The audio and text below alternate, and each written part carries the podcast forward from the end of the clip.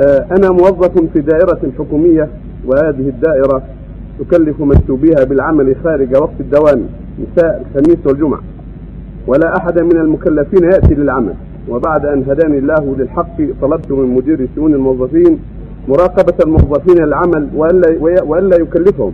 ولم يستمع لكلامي لأنه يكلف معنا ولا يحضر وطلبت كذلك تنزيل اسمي من التكليف علما بأني محتاج لهذا المبلغ لأني أعود أسرة كبيرة.